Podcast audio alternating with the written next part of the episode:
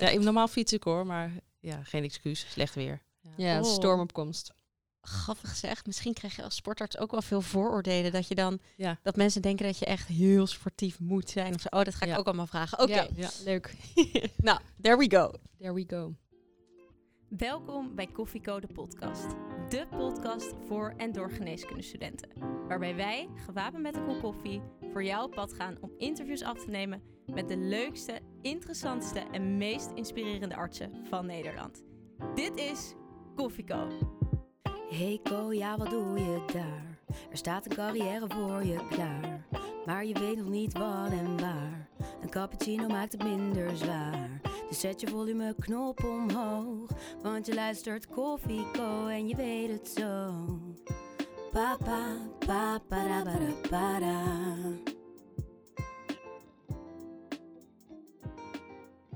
Welkom bij weer een gloednieuwe aflevering van Koffieko, de podcast. Wij zijn Mare. en Doris en deze week is het tijd voor een hele sportieve aflevering. Jawel, we interviewen vandaag op veel verzoek een sportarts. Karin Thijs heet ze. Ze zit hier tegenover me en ze is werkzaam in het UMC Utrecht en bij de Koninklijke Nederlandse Voetbalbond. Karin, allereerst welkom. We Dankjewel. hebben, al, leuk. we hebben al een tijdje geprobeerd dit interview eh, in te plannen. Ondertussen was jij ook eh, in Japan voor de Olympische Spelen met je team. Mhm. Hoe was dat? Ja, heel eh, gaaf. Mooie ervaring om mee te maken. Inderdaad, het heeft wel lang geduurd voordat we elkaar nu hier zo tegenover elkaar zitten. Maar leuk dat ik hier ben, ja. Ik kan me voorstellen dat, eh, dat zo'n periode als sportarts bij de Olympische Spelen een hele eh, ja, spannende periode is. Met ook wel wat adrenaline. Heb je die kopjes koffie echt nodig of valt dat mee? Nee, ik heb ze niet nodig, maar ik nuttig ze wel graag. Meer voor de smaak. ja, ja, heerlijk. Niks beters dan een kopje koffie 's ochtends. Hoe drink je hem het liefst? Zwart. Zwart. Is dat ook het gezondst? Eh, dat, dat weet ik. Nou, ik denk het eigenlijk wel. Als je dan moet kiezen, dan... eh, Ja, we gaan het vandaag hebben over jouw specialisme, de sportgeneeskunde. Een specialisme wat vaak niet in de reguliere kooschappen komt. Eh, en daarom is het des te belangrijker om het vandaag uitgebreid over te hebben. Voordat we dat gaan doen, eh, vinden we het altijd leuk om van onze gasten iets te weten over hoe zij waren toen ze in onze schoenen stonden. Oftewel als co-assistent. Ehm, jij hebt gestudeerd in Maastricht, zagen wij. Ja. Hoe was jouw studenten- en co-assistententijd daar? Ja, heel leuk. Ja, Maastricht is echt een geweldige stad. Echt een studentenstad ook. Hè. Het studentenleven is daar heel, eh, heel groot en heel intensief. Ik was ook wel echt een student. Hè. Ik was wel, eh, ook wel in het uitgaansleven te vinden. Ehm, maar ik moet wel zeggen, tijdens mijn kooschappen ben ik wel echt een serieuzere student geworden. Dat moet dan bijna wel, hè? Ja, ja, het gaat veel meer leven ook allemaal, wat je aan het doen bent. Hoe vond je de kooschappen? Weet je nog bijvoorbeeld je allereerste dag toen je begon als co-assistent? Ja, dat, dat weet ik nog. Dat was een kooschap in eh, de dermatologie. En dat was eigenlijk maar heel kort. Dat volgens mij deden we eh, twee weken of zo. Dat zijn kleine vakken, maar heel beperkt. Eh, ik, ik vond het spannend, maar het, ik vond de kooschappen heel leuk. Bijna alle kooschappen die ik gedaan heb, heb ik echt met heel veel plezier gedaan. En ik vond bijna alle, elk vakgebied leuk. Maar ik wist ook wel meteen van dit is het wel, dit is het niet. En kun je ons eens meenemen naar een herinnering van dat je dacht, nou, dit is het niet. Bijvoorbeeld kooschap psychiatrie. Dat is ontzettend interessant. Maar ik had daar gewoon heel veel moeite mee. Omdat ik gewoon niet wist hoe ik mezelf daarin moest gedragen. Er was iemand met, eh, met een psychose en die ging allemaal vertellen wat hij allemaal zag. En ik wist gewoon niet hoe ik daar moest, op moest reageren. Van, ga je er nou in mee? Of ga je nou zeggen van, joh, dat, ik zie het niet? Of, ik vond het gewoon ik vond het heel interessant, en, maar kon me er heel moeilijk in inleven. Dus dat, eh, toen dacht ik wel, ja, dit is het eh, niet. En wat waren dan kooschappen waarvan je dacht, hier, waar je wel warm van werd? Dat je niet kon wachten om de volgende dag weer terug te gaan? Nou, ik vond de huisartsgeneeskunde een heel leuk kooschap. En ik vond het vooral bijzonder dat je, eh, ja, dat je het systeem zo ziet. Hè? Dat je bij mensen thuis komt. eh, dat het contact best wel intensief eh, kon zijn. Dus dat vond, ik, dat vond ik heel leuk. Dat is me wel bijgebleven. Ik vond chirurgie heel leuk. Want ja, dat, was, dat gaf ook gewoon een indruk. Hè? Dat, ja, dat heb je eigenlijk nog nooit gezien. Hè? Dat er iemand geopereerd wordt. Orthopedie vond ik heel leuk. Dat er voor het eerst een prothese geplaatst wordt en dat je echt iemand met een zaag bezig ziet. Dan denk je, ja, dit is inderdaad gewoon een timmerman, bij wijze van. Ik vond het gewoon vooral heel interessant ook allemaal. Eh, Kwam de sportgeneeskunde ook al op jouw pad tijdens de kooschappen? Eh, nee, eh, eigenlijk helemaal niet. Het zit helemaal niet in de, in de opleiding. Ik kende wel het beroep sportarts van, nou ja, van horen zeggen. Mijn moeder is huisarts en die heeft een, een cursus gedaan, driedaagse cursus, basiscursus sportgeneeskunde. En die zei toen, ja, dat is echt wat voor jou. En toen dacht ik, ja, dat is ook echt wat voor mij. En ik wilde sportarts worden van het Nederlands hockeyteam, van de vrouwen. En Dat was, dat was tijdens de, de opleiding. Tijdens daarvoor genees- nog, voordat ik geneeskunde ging doen. Dacht Oh. dat, ja, dat zag ik helemaal zitten. Maar ik had geen idee hoor. De, ik had geen idee wat vak inhield. Maar het klonk natuurlijk wel sexy. Sportarts en nou ja, dat... eh, Ik denk bij een sportarts, denk ik aan iemand die zelf ook ofwel echt iets met sport heeft, als in vindt het leuk om naar te kijken, vindt het interessant, of zelf heel sportief is. Is dat in jouw geval ook zo? Nou, ik denk het allebei wel. Ik ben geen topsporter. Ik ben ook geen topsporter geweest. Maar ik ben wel, ik ben wel gek van sport. Alle sport bijna. Vind ik ontzettend leuk. Zowel heel passief, hè, door het gewoon te kijken op tv en te volgen. Maar ook wel gewoon om zelf te doen. Ik was als kind ook wel ja, echt zo'n zo'n sportend kind. Wat elke dag wel ergens eh, aan het sporten was. En welke sporten deed je dan als kind? Eh, ho- hockey en tennis met name.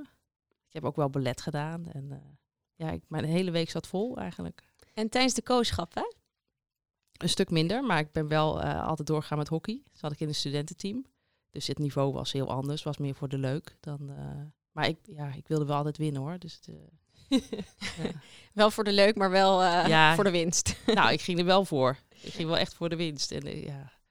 Maar het sporten zat in ieder geval wel altijd. Die interesse, die had je in ieder geval altijd. ja, ik heb al. wel die, echt die affiniteit met sport. eh, Ik kan me er wel iets bij, eh, goed mee inleven. En je zeggen. ging dus eigenlijk geneeskunde studeren met het idee van, hé, hey, er bestaat zoiets als sportarts, maar je bent het tijdens je kooschappen niet tegengekomen. Wanneer was de eerste keer dat jij met het, ja, met het vak of met een sportarts ehm, eh, in aanraking kwam? Het was eigenlijk pas het laatste jaar van de opleiding. Bij ons eh, in Maastricht eh, was het laatste jaar twee, opgedeeld eigenlijk in twee keer 18 weken. Waarbij je dan een soort participatie oudste kooschap zou gaan doen en een wetenschapstage. stage. En toen heb ik ervoor gekozen om 18 weken stage in de orthopedie eh, te gaan doen, in de praktijk. En aansluitend 18 weken onderzoek dan in de sportgeneeskunde, omdat toen geen praktijk was in de sportgeneeskunde. En ik ook nog wel een beetje op twee gedachten zat eh, van, nou ja, ik vind orthopedie misschien ook wel heel erg leuk.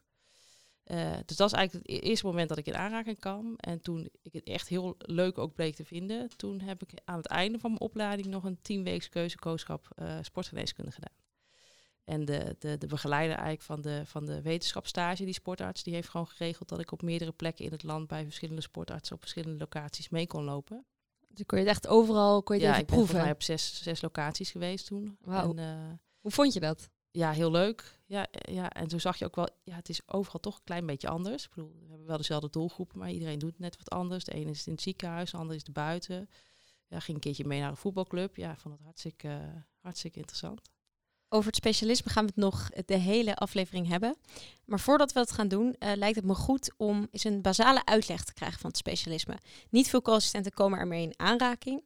Sommigen komen er misschien helemaal niet mee in aanraking.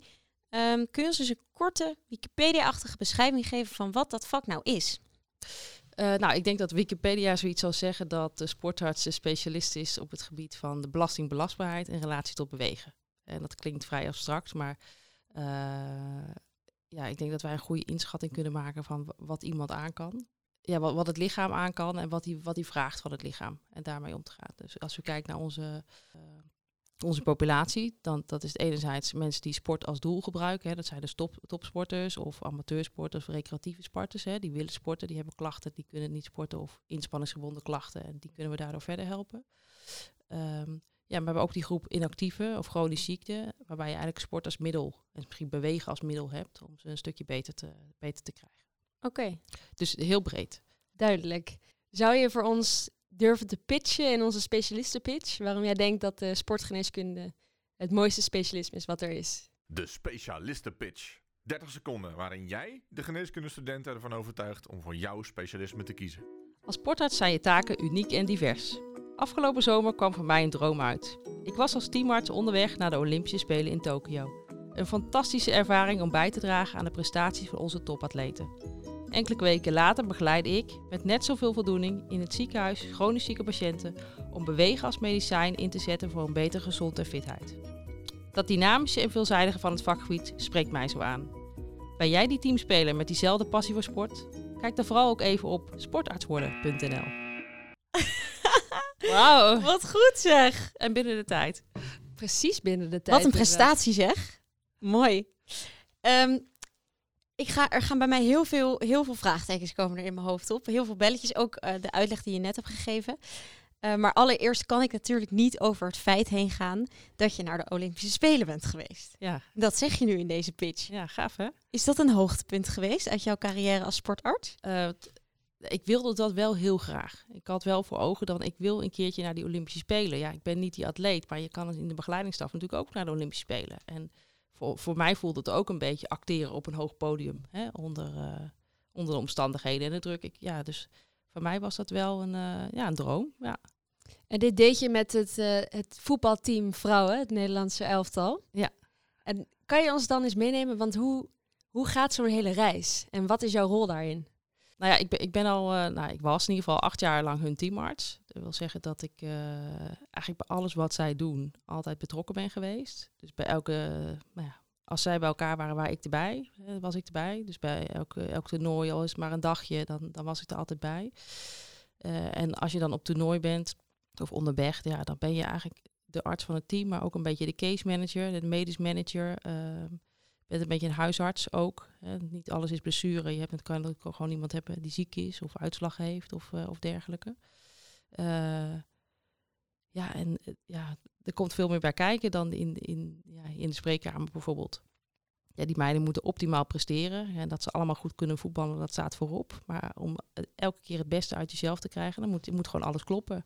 Hè, dus ze moeten optimaal belastbaar zijn, ze moeten in een goede gezondheid zijn, eh, ze moeten goed eten, ze moeten goed slapen, ze moeten goed herstellen. Nou, dat, al dat soort dingen, daar, eh, daar heb je een bijdrage in. Ja, daar komt veel bij kijken. En luisteren ze dan ook braaf naar jouw adviezen? Als je Ja. bijvoorbeeld zegt, nee, vanavond echt tien uur naar bed. Eh, nou, dat, eh, dat denk ik niet. Ehm, ja, ik, ik heb wel het idee dat ze echt wel luisteren en wat met de adviezen doen. Eh, zeker, zeker. En we proberen ook heel veel uitleg te geven waarom we dingen wel doen of niet doen. Zodat ze ook snappen waarom we bepaalde keuzes maken. Dat is wel interessant ook over het inhoudelijk over het vak. Je zegt, sportarts is meer dan alleen eh, blessures. Of niet alles is een blessure, zei je net. Ja. Dus als sportarts kijk je breder. Ehm, kun je een, een, een, een voorbeeld geven van een typische klacht die bij de sportarts komt? Wat misschien wel een blessure is. En een minder typische klacht.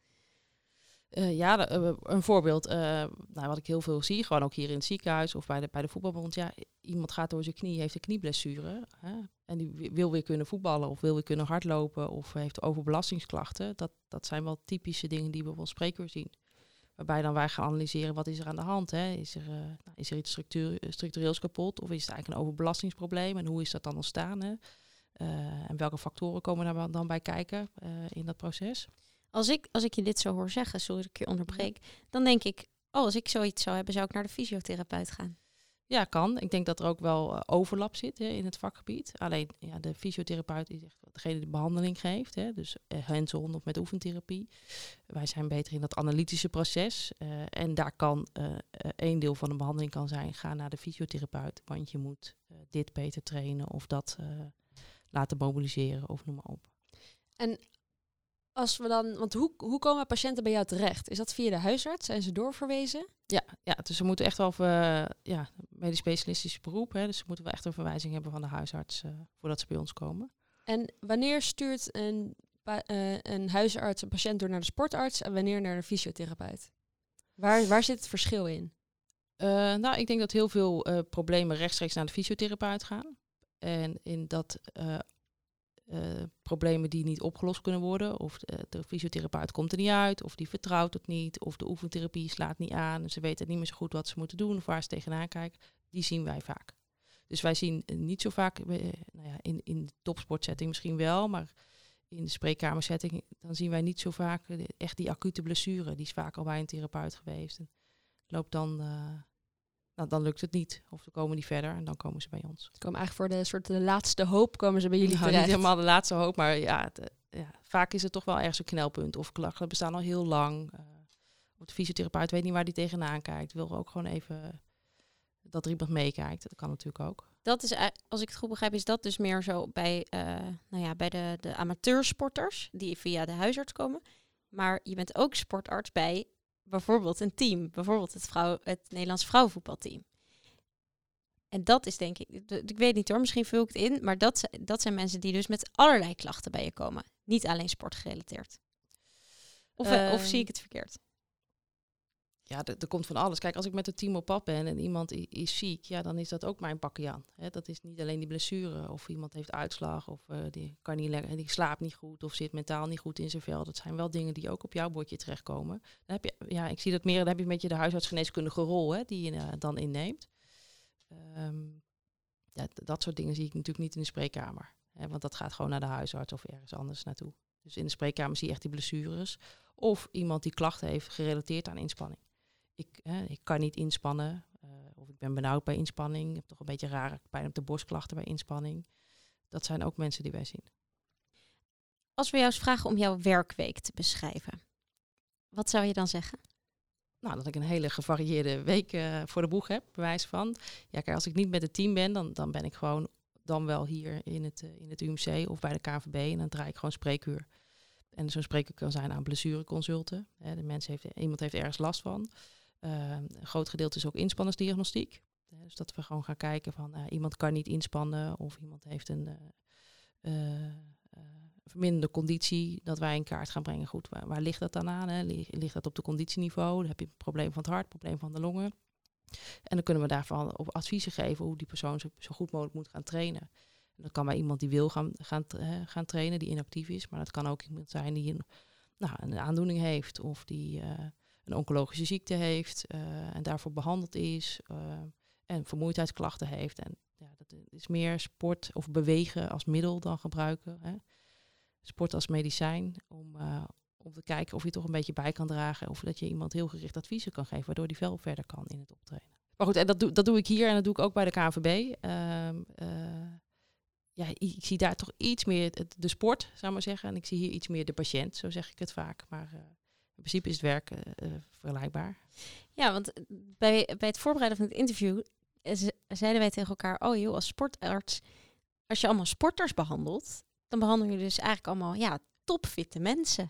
Zo zagen wij dat een beetje. Klopt dat? Nou, eh, ik denk wel, ehm, het gros van de patiënten zijn, zijn gezonden. Hè? Ja. Gezonde mensen die tijdens het sporten tegen problemen aanlopen. En soms is dat pas, ja, ik kan 10 kilometer lopen zonder problemen. Maar als ik een halve marathon loop, dan heb ik wel een probleem. Dat, ja, dat zijn ook natuurlijk mensen die we zien. Dat zijn in principe gezonden. En ik moet ook zeggen, in het verleden, eh, toen sprak ik ook altijd over sporters. Dus dan stuurde ik de brieven naar de huisarts en dan heb ik bovengenoemde sporter gezien. Ja, tegenwoordig is de populatie een beetje aan het verschuiven. We zien ook wel mensen die niet sporten met, met, eh, met klachten. Dus tegenwoordig praat ik over de patiënt. Dus dus gaat de brief naar de huisarts eh, bovengenoemde patiënt. Ja. Er is een beetje shift gekomen. Maar komen er dan bijvoorbeeld ook, ik noem maar een voorbeeld, eh, patiënten met overgewicht die verplicht moeten sporten? Komen die ook bij jou terecht, die adviezen moeten hebben over hoe ze dat moeten aanpakken? Soms wel, ja. ja. Op verwijzing van de huisarts. eh, eh, maar ook wel gewoon op, op, op eigen initiatief. Hè. Dan is het meer een preventief iets. Daar betalen ze dan ook zelf voor. Dat gaat niet via de verzekering. Maar die, je kan een preventieve screening laten doen. Dat wij dus even gewoon iemand in kaart brengen. En dan ook eens de conditie bepalen en gewoon gericht adviezen geven. Over het algemeen kan ik me voorstellen dat het wel langdurige trajecten zijn met patiënten. Klopt dat wat ik zeg? Ja, dat, hoeft dat hoeft niet. Dat hoeft niet. Ehm, ik denk dat de meeste blessures. eh, ja, je, je, doet een goede intake. eh, je doet soms wat diagnostiek. Dan heb je ze één of twee keer gezien. Dan gaat iemand aan de, aan, de, aan de slag. En dan heb je vaak nog een derde contact om te kijken hoe het gaat. En als het goed gaat, is het heel mooi. En als het niet goed gaat, dan, eh, dan kan je nog een beetje bijsturen. Maar ik, ja, in principe geen hele langdurige trajecten zijn dat. Nou, ik hoor van je dat, eh, dat eh, als sportarts je dus op allerlei, met allerlei soorten patiënten over het onderwerp sport of beweging eh, nadenkt. Want Ja. wanneer is iets eigenlijk een sport? Ja, dat is een goede vraag. Ik zou het niet weten. Ik denk als iemand zijn sportkleding aan heeft. Definitie ik denk- ik van denk die- sport. Die heb ik vaker, dat Ja, sport ik niet. Ja, je kan op een laag niveau sporten of laag intensiteit sporten, hoge intensiteit. Ja. Dan valt wandelen misschien al ook wel misschien onder sport. Dus ja, ik, dat durf ik eigenlijk niet te zeggen. En eh, Formule 1, is dat ook een sport? Ja, is ook een sport, zeker weten. En schaken? Het is een sport voor het brein, ja. Precies. Je hebt dus verschillende patiëntpopulaties waarmee jij, ja, waarmee jij werkt of die je behandelt ehm, op het gebied van sport. Wat zou je nou zeggen dat de grootste uitdaging is voor een sportarts? Ja, dat is een goede vraag. Nou, de grootste uitdaging om ambitie is om iemand zo snel mogelijk, zo verantwoord mogelijk weer eh, op het ambitieniveau te hebben, denk ik.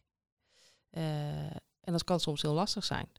Er zijn bepaalde blessures, ja, weet je, die chronische overbelastingsblessures, ja, dan komt iemand binnen en die heeft al drie jaar last, ja, die heb je niet met drie weken klachtenvrij. En de grootste uitdaging is dan dat je goed uitlegt van wat is er aan de hand, wat is er ontstaan, wat, hè, wat, wat draagt hiertoe bij en hoe gaan we het aanpakken. En daar ook heel reëel in bent, in van ja, wat kan je verwachten op de termijn. Ja, aan succespercentage of restklachten en dergelijke. Ik zeg ook altijd, ja, ik moet mensen, ik kan niet opereren, hè, dus ik moet ze verbaal opereren. Dus als ik het goed kan uitleggen uh, waarom iets ontstaan is en wat ze moeten doen, en dat ze ook snappen waarom dat al goed is en waarom dat zal gaan helpen, dan heb ik al grotere kans dat ze het ook gaan doen en dat het dus eerder effectief is. Dus als ik ga zeggen, ja, gaan we naar de fysio, gaan we oefeningen doen, en iemand denkt, ja, ik ben al een keer bij de fysio geweest, dat hielp niet, ik ga niet, ja, dan is het klaar, hè, dan heb ik hem niet beter gemaakt. Dus ik moet, soms moet je een beetje overtuigen. Maar de gemiddelde patiënt moeten we eerder afremmen dan stimuleren. Dus dat is wel mooi. En hoe, hoe, hoe pak je dat aan? Een uh, patiënt die graag wil blijven sporten en je medisch gezien niet verstandig. Hoe kan je dat doen als het een topsporter is bijvoorbeeld? Ja, het gesprek aangaan. Ja. Dus je kan alleen maar adviseren en, en dat uh, met volle overtuiging soms doen. Maar de, de, de, de patiënt of de sporter, ja, die, die beslist uiteindelijk zelf, hè, tot op zekere hoogte. Dus uh, ja, ik ga, ik ga altijd het gesprek aan en neem daar echt de tijd voor. En ik zorg dat ik goed voorbereid ben. En de, alle overwegingen worden gewoon besproken. Van ja, wat, wat als we nu wel gaan sporten, wat zijn dan de risico's op de korte termijn, op de lange termijn? Wat doet het met je prestatie? Kan je wel presteren zoals je zou willen met, deze, met deze klachten? Wat is het belang soms? Hè? Soms uh, ja, speel je een oefenwedstrijd en denk je, joh, waarom zou het risico nemen? Nou, dan probeer ik wel met volle overtuiging dat over te brengen. Hoe zou je jou, want ik heb wel een idee bij, bij sporters en vooral topsporters, ambitieuze mensen. Hoe zou jij je patiëntpopulatie omschrijven? Oeh, nou, het is, ja, het is zo gevarieerd. Het is een hele diverse populatie. Echt van jong tot oud eigenlijk. Van hartstikke kerngezond tot, tot chronisch ziek. Hè, beperkte inspanningstolerantie, uh, vermoeidheidsklachten, noem maar op. Ik denk nog altijd het gros van de patiënten is ja, heeft een blessureklacht. Hè, is toch relatief de gezonde, de gezonde persoon. De, het deel van jouw patiëntpopulatie die echt sporter is, topsporter, bijvoorbeeld de Nederlandse ja. uh, vrouwelijke voetbalsters. Um, die zijn, daar heb ik een idee bij. Dat zijn hele ambitieuze, gemotiveerde mensen. Uh, die je, zoals je zelf al zegt, juist meer moet afremmen ja. dan andersom. Um, wat is de uitdaging bij zulk soort patiënten? Uh, nou, de uitdaging is, is dat, ze, dat ze met je meegaan in ja. wat jij vindt. Hè, dus uh, ja, ik maak soms wel eens ruzie uh, met een... Ja, niet zo letterlijk, hè, maar dat je echt in een conflict komt. Omdat zij vinden dat ze iets wel kunnen. En ik vind verstandig dat we het niet zo zouden doen. Ja, dan, komt, dat, dan heb je nog wel eens een conflict. nou, dan praat je over met elkaar. En uiteindelijk probeer je het goed uit te leggen. En ja, lopen we altijd vrolijk de deur uit, daar niet van. Maar ja, ja, je zit niet altijd op dezelfde lijn. Ja, voor, voor, voor topsporters is de sport denk ik hun ziel en zaligheid en hun werk en hun hobby en hun passie. Ja. De sport is heel belangrijk, denk ja. ik. Ja. Ik denk dat het ook belangrijk is om een goede vertrouwensband dan met elkaar op ja, te bouwen. zeker, zeker. Je moet elkaar goed kennen. En ik, ik denk ook dat het echt een meerwaarde is als je als, uh, als, als sporters of teamarts je spelers goed kent. Want als de ene oude roept, is dat nog niet uh, dezelfde impact, uh, de impact als dat de andere oude roept. Hè. Dus dat je kan het altijd een beetje in perspectief plaatsen. Soms denk je wel eens iemand, nou, die moet er met een brancard vanaf. En dan weet je, oh, die kan morgen gewoon spelen.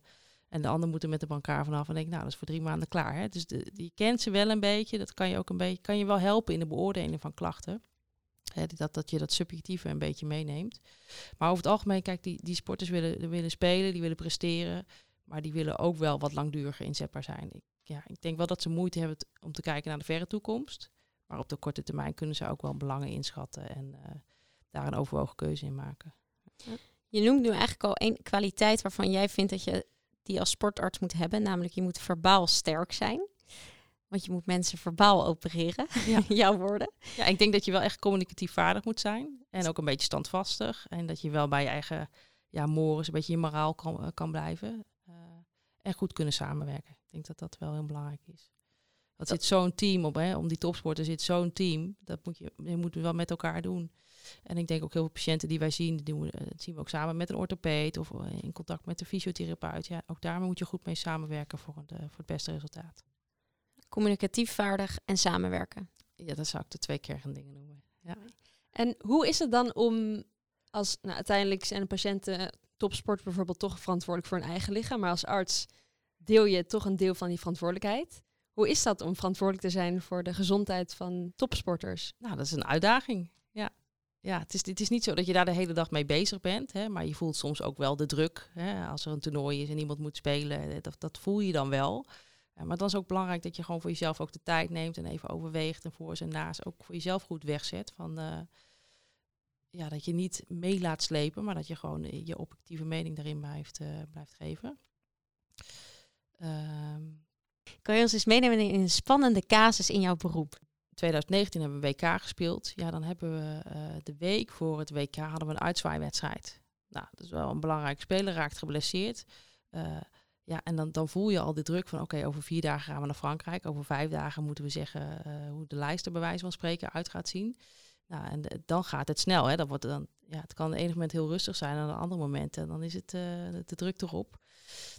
Nou, dat vind ik wel mooi dat we dan ook wel zo'n netwerk hebben dat je eigenlijk nog dezelfde moment kan appen met, uh, met, een, uh, met een chirurg die zegt van ja, ik kan opereren, dat wordt snel gedaan. De dag daarna, weet je, de fysiotherapeut is erbij, we gaan alles regelen en die, uiteindelijk heeft die speler het gered. Dat vind ik mooi. En dat lukt dan omdat het, het balletje zo snel allemaal gaat rollen. Het is eigenlijk wel een beetje VIP-zorg uh, voor de sporters. Ja, ja, soms wel, ja. ja. Al ja, dan gaat het gewoon snel. Dan staan, de druk staat erop en zo. En uh, dat zijn ook, er zijn ook andere specialisten in dat netwerk zitten die dat ook leuk vinden. En die, die dan ook oké okay mee zijn als, uh, als je s'avonds uh, ze opbelt. Bijvoorbeeld. En wordt er dan ook wel eens druk op jou uitgeoefend door bijvoorbeeld de managers? Die willen dat de wedstrijd, dat ze de wedstrijd willen en dat hun spelers ingezet worden?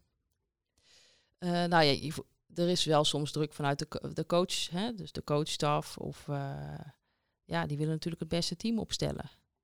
Maar goed, ik denk, als je met elkaar in gesprek gaat, dat is, dat is eigenlijk hoe het meeste doen, meestal doen, hè, is dat we gewoon echt bij elkaar gaan zitten. Ik heb meestal gesproken met de speler. En vervolgens ga ik zitten met de speler en de bondscoach. En dan zit je met z'n drieën en dan kan iedereen ook een beetje zijn zegje doen.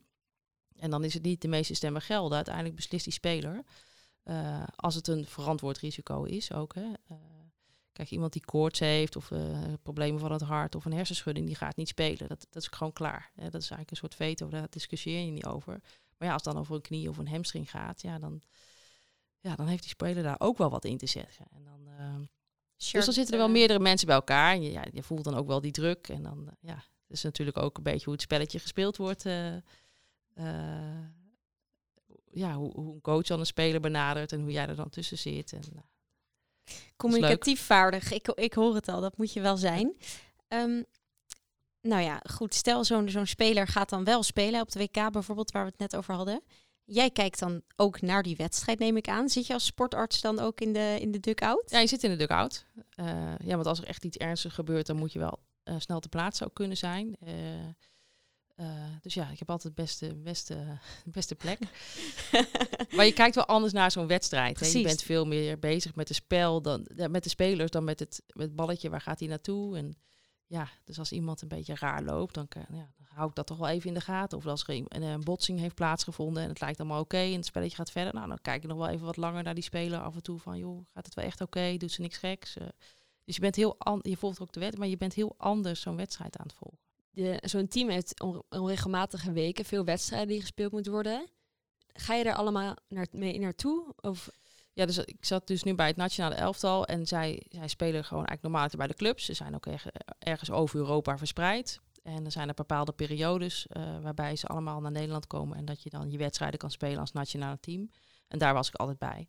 Ja, en dan zo'n werkweek ziet er heel anders uit. Ja, het vraagt wel veel van je dan, of niet? Nou, het vraagt een goede planning, hè, want ik moet dat goed afstemmen met het ziekenhuis bijvoorbeeld, hè, dat ik dan wat langer afwezig ben.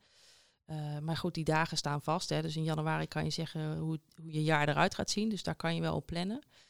En ik ben daar ook gewoon aanwezig. Dus ik ben ook in dat hotel. Ik slaap daar ook. Ik eet er ook mee. Ja, je bent gewoon altijd bij elkaar.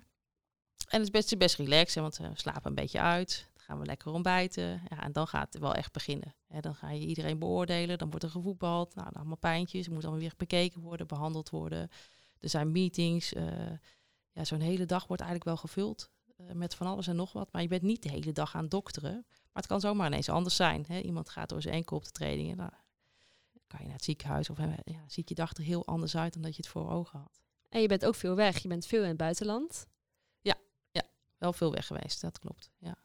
Ehm, is dat iets wat veel sportartsen doen? Of is dat meer omdat jij bij de KNVB werkt of eh, bij, de, bij het Nederlands elftal werkte? Nou, er is een klein groepje sportartsen in Nederland wat, we- wat heel erg in de topsport werkt. En die dus ook veel op pad is. Eh, eh, ik denk dan denk ik zo'n zo'n zo'n sportarts of 30 of zo, wat wel zo intensief eh, met teams meegaat en naar toernooien gaat en wedstrijden en dergelijke. En hoeveel, hoeveel sportartsen zijn er eigenlijk in Nederland? Ik, ik meen iets van 140 en dan ongeveer 30 in opleiding. Over de opleiding gesproken. ehm, hoe ziet de opleiding tot sportarts er eigenlijk uit? Nou, het is een vierjarige opleiding. Het is een hele leuke opleiding, heel gevarieerd. Ehm, tegenwoordig is het zo dat je begint met drie maanden sportgeneeskunde. Ik noem dat zelf altijd een beetje de snuffelstage. Kan je een beetje in de keuken kijken. Je weet wel waar je voor gekozen hebt, maar dan heb je een beetje, eh, een, beetje een beginnetje gemaakt op de afdeling ook. En daarna ben je anderhalf jaar weg. Dus dan ga je eh, negen maanden naar de cardiologie. Waar je echt eh, ja, gewoon met de cardiologie ploeg meegaat, maar wel een beetje met de accenten voor de sportgeneeskunde. Dan heb je drie maanden longgeneeskunde. Waarbij je ook leert uh, nou, flow-volumecurves, uh, inspanningsgebonden benauwdheidsklachten en dat soort zaken te beoordelen. Inspanningstesten ook te doen, hè, wat je bij de cardiologie ook, doe, cardiologie ook doet, maar dan meer met accent voor de longen.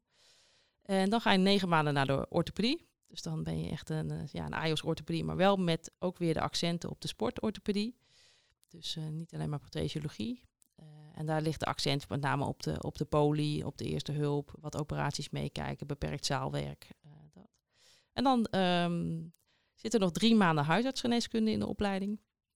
Waarbij je in de tijd al die huistuin- en keukenkwalen ook uh, langs ziet komen, zodat je dat on the road ook kan behandelen. En dan uh, zit er een beetje wetenschap in en uh, anderhalf jaar sportgeneeskunde. Waarbij je op de sportgeneeskundige afdeling werkzaam bent. En dat kan in het ziekenhuis of buiten het ziekenhuis, maar dat je het hele pak pakket krijgt. En een onderdeel van de opleiding is ook dat je dus met een team meereist. Dus dat je wel iets aan, aan begeleiding doet. En dat kan van elke willekeurige sport zijn? Dat kan, dat kan in principe van elke willekeurige sport zijn. Er zijn veel centra, sportmedische centra die met, met bonden werken of met, met teams werken. Uh, nou, vanuit UMC werken wij ook heel veel met de KVB. Dus uh, degenen die hier in opleiding zijn, die gaan met, met jeugdelftallen mee. Ook wel nationale teams, maar dan onder 15, 16, 17. Uh, nou, dat is een mooie plek om het om te leren. En je zei al, er zijn niet heel veel sportartsen. Is het lastig om in opleiding te komen? Um, het, het, wordt steeds wat lastiger, want het, wordt dus uh, het zijn toch steeds meer mensen eigenlijk die de keuze maken om richting sportgeneeskunde te willen. Uh, en er zijn maar zeven plekken beschikbaar per jaar, dus dat is natuurlijk wel weinig. In heel Nederland? Ja, in heel Nederland. Oh, ja. ja, er zijn tien locaties, maar jaarlijks kunnen er maar zeven in opleiding. Ja. De co-telefoon. Dat was de co-telefoon. Die gaat altijd af midden in de gesprekken, okay. net zoals de bekende co-telefoon is. En de co-telefoon is een vraag ingestuurd door een van onze luisteraars. Ja, uh, dank voor al jullie in, uh, inzendingen. Heel leuk om te lezen. Ik denk dat we ook al een aantal van behandeld hebben in het interview. Maar er is er eentje uh, die een beetje raakt aan waar we nu over aan het praten zijn. En dat is een vraag van Gerben.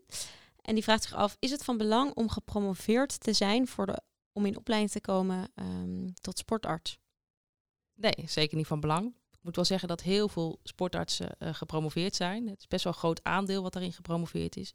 Nee, maar ik denk dat dat zeker niet een pre is. Kijk, uh, net zoals in de andere medische uh, opleidingen, het wordt wel steeds pittiger om een plek te krijgen. Ik denk dat je heel goed moet kunnen laten zien op je cv dat je je verdiept hebt in het vakgebied. Dat is voor ons echt een pre. Hè, kijk, het komt bijna niet in het curriculum voor. Maar je moet wel weten waar je het over hebt. Hè. Dat is ook zelf zei. Ik vond het vroeger wel sexy klinken, maar ik had geen idee.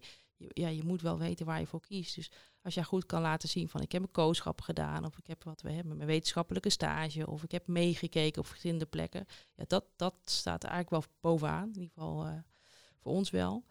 En uh, ja, een klein beetje ervaring al hebben opgedaan. Dat vind ik wel belangrijker. Dus natuurlijk is wetenschappelijke ervaring of ambities, dat is mooi, maar ik zie het zelf meer in, uh, in uh, de, kli de kliniek, zou ik maar zeggen. Of dat je, je laat zien dat je, nou dat je de vogel kiest, dat je weet wat het is en dat je wat bagage hebt voordat je die opleiding ingaat.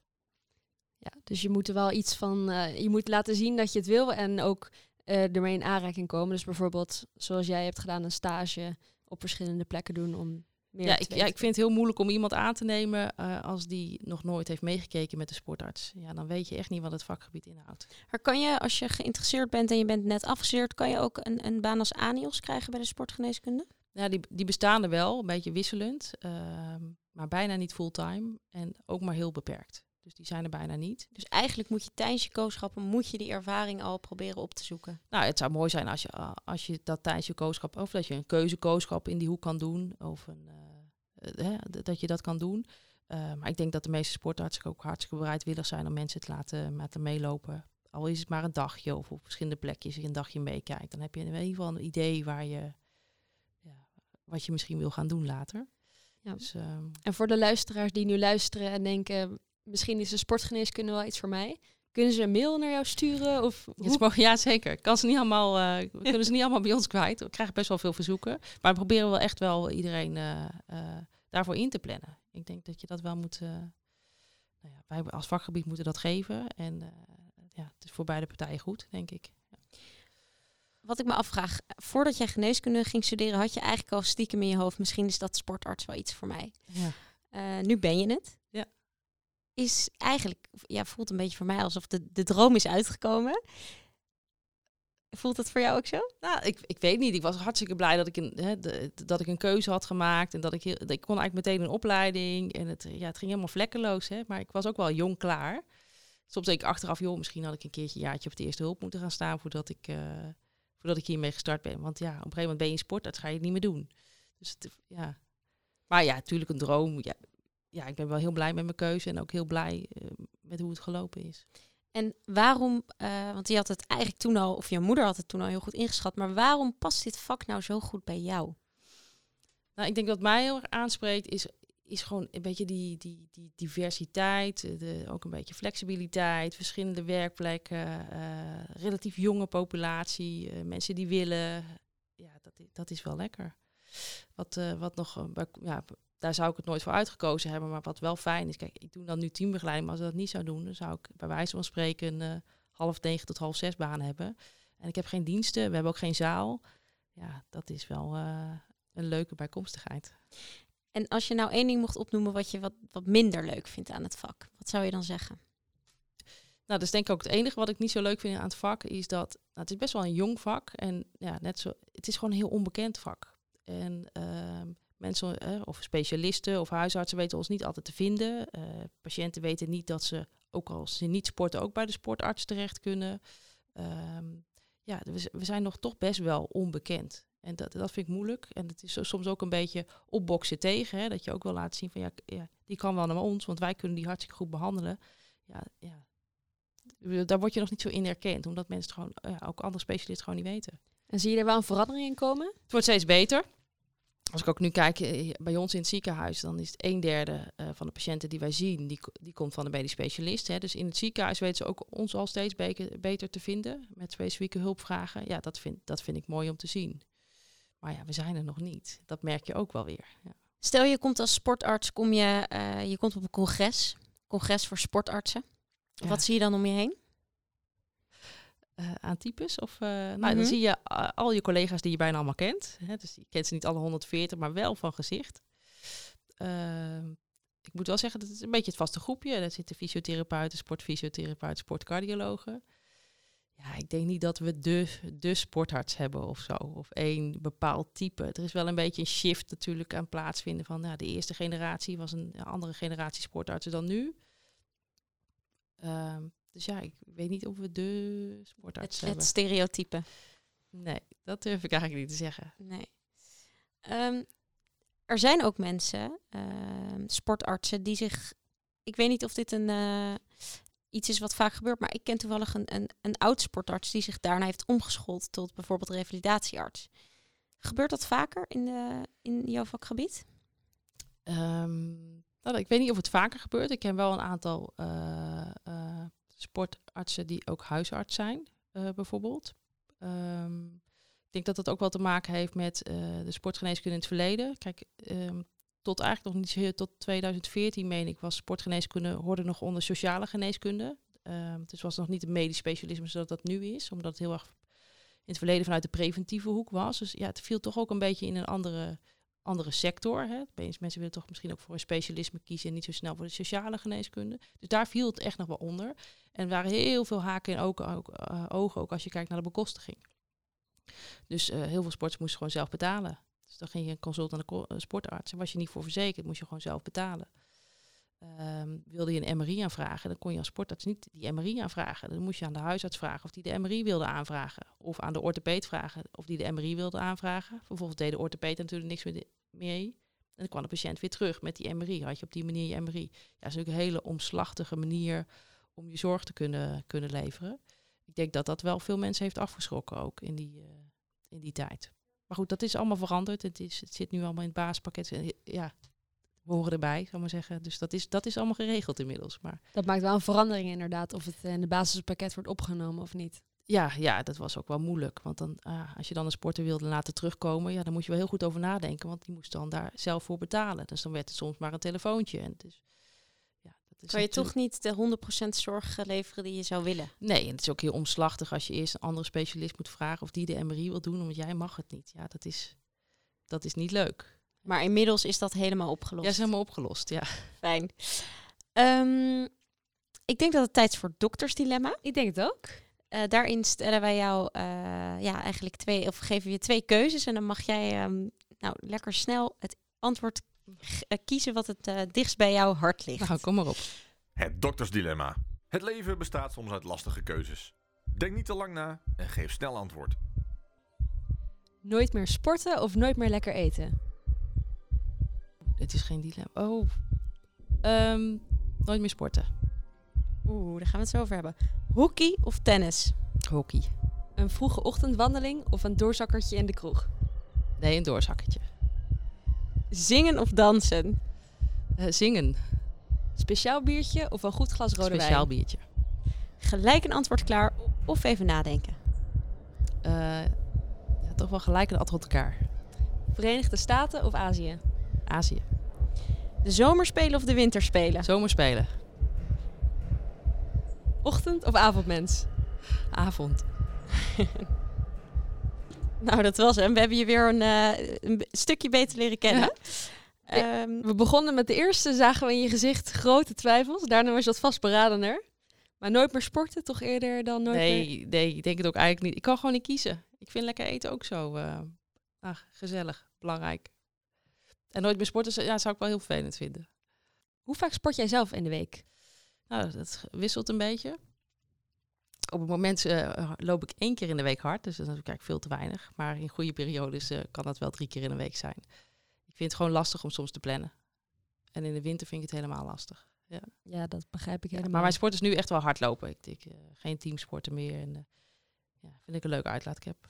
herkenbaar. En als je nou tegen, eh, als een patiënt tegenover je in de spreekkamer zit en die zegt, ja, wat is nou gezond? Hoeveel beweging, hoeveel sport is nou gezond? Wat is daar nou het goede antwoord op? Want het, ik bedoel, als ik een kooschap loop bij de huisarts, dan kan ik die vraag ook krijgen. Ja. Wat moet ik dan 30 zeggen? minuten per dag matig intensief bewegen. Dat is, dat is gezond. En wat is matig intensief? Ja, dat, dat eh, een beetje op tempo wandelen, eh, weet je, de hartslag wat omhoog. eh, ja, flink tuinieren, dat soort dingen. Dat is, Nou ja, nu iedereen met een, met een iWatch of een Fitbit rondloopt, kan iedereen wel zijn hartslag goed, eh, goed meten. eh, ja, ja, hartslag, eh, aantal stappen, noem maar op. En de trappen nemen altijd niet de lift. We moesten net ook al de lift overslaan. Ja, nee, daar, daar ben ik wel voorstander van. Ja. Nou, dan gaan we nog naar een klein persoonlijk deel van het interview. Ehm, wie is Karin Thijs nou eigenlijk buiten haar werk als sportarts? Nou, ik denk dat ik eh, over het algemeen een hele vrolijke, vrolijke meid ben. En eh, eh, ik hou ervan van om, om met mensen te zijn. Ik kan goed alleen zijn, maar ik ben het liefste onder elkaar. En ik hou van gezelligheid. En nou ja, met vrienden, een beetje sporten, lekker eten. Dat. Af en toe de kroeg in. Af en toe nog de kroeg in. Ik heb hele lieve kinderen. Dat vind ik ook heerlijk om daar gewoon mee aan de gang te zijn. En je zei net ook al heel snel speciaal biertje. Wat is jouw favoriete biertje? Een blond biertje. Een blond biertje. Ja, Nou, ik krijg er bijna zin in. ja ik ook wel. Ehm, dan sluiten we altijd af eh, met de allerbelangrijkste vraag van ons interview. Namelijk, wat zou jij eh, de luisterende co-assistenten en jonge dokters willen meegeven? Wat is jouw tip voor de jonge dokter? Nou, mijn tip, en ik op een beetje eh, vanuit mijn eigen vakgebied natuurlijk, is maar eh, oriënteer je goed op wat je later wil gaan doen. En verbreed je horizon. Eh, er zijn nog zoveel vak, eh, vakken binnen de geneeskunde die eigenlijk in het curriculum te weinig eh, aan bod komen. En het zou goed zijn als je daar ook wat meer inzicht over zou kunnen krijgen om een goede, goede keuze te maken voor later. En eh, ja, verdiep je gewoon en, en, en verwonder je ook tijdens je kooschappen. En kijk, wat je bij de kooschappen, wat, als ik het op mezelf trek, ben je best wel bezig gewoon met, met de medische kennis inhoudelijk. Maar ik denk dat het ook wel eens goed is om aan die AI's of die specialisten te vragen van waarom heb jij voor dit vakgebied gekozen? En wat zijn jouw positieve dingen eraan en negatieve dingen? En dan neem je nog net wat extra's mee, denk ik. Voor ja, toch wel een lastige keuze die komt. Mooie tip. En ook eh, mooi om daarmee het interview dan af te sluiten. Karin, dankjewel dat je bij ons te gast wilde Ja, zijn. het En, hartstikke eh, leuk. Je hebt echt een goed beeld geschetst van de sportgeneeskunde. Ik begrijp er veel meer van nu op dit moment. Ja, en ook een mooie, mooie laatste tip eh, die je meegeeft. Ik eh, neem hem ten harte. En lieve luisteraars, jullie ook ontzettend bedankt weer voor het luisteren. Eh, blijf dat doen. En eh, we zien jullie volgende keer weer bij Koffiecode Podcast. Pa pa pa para para para.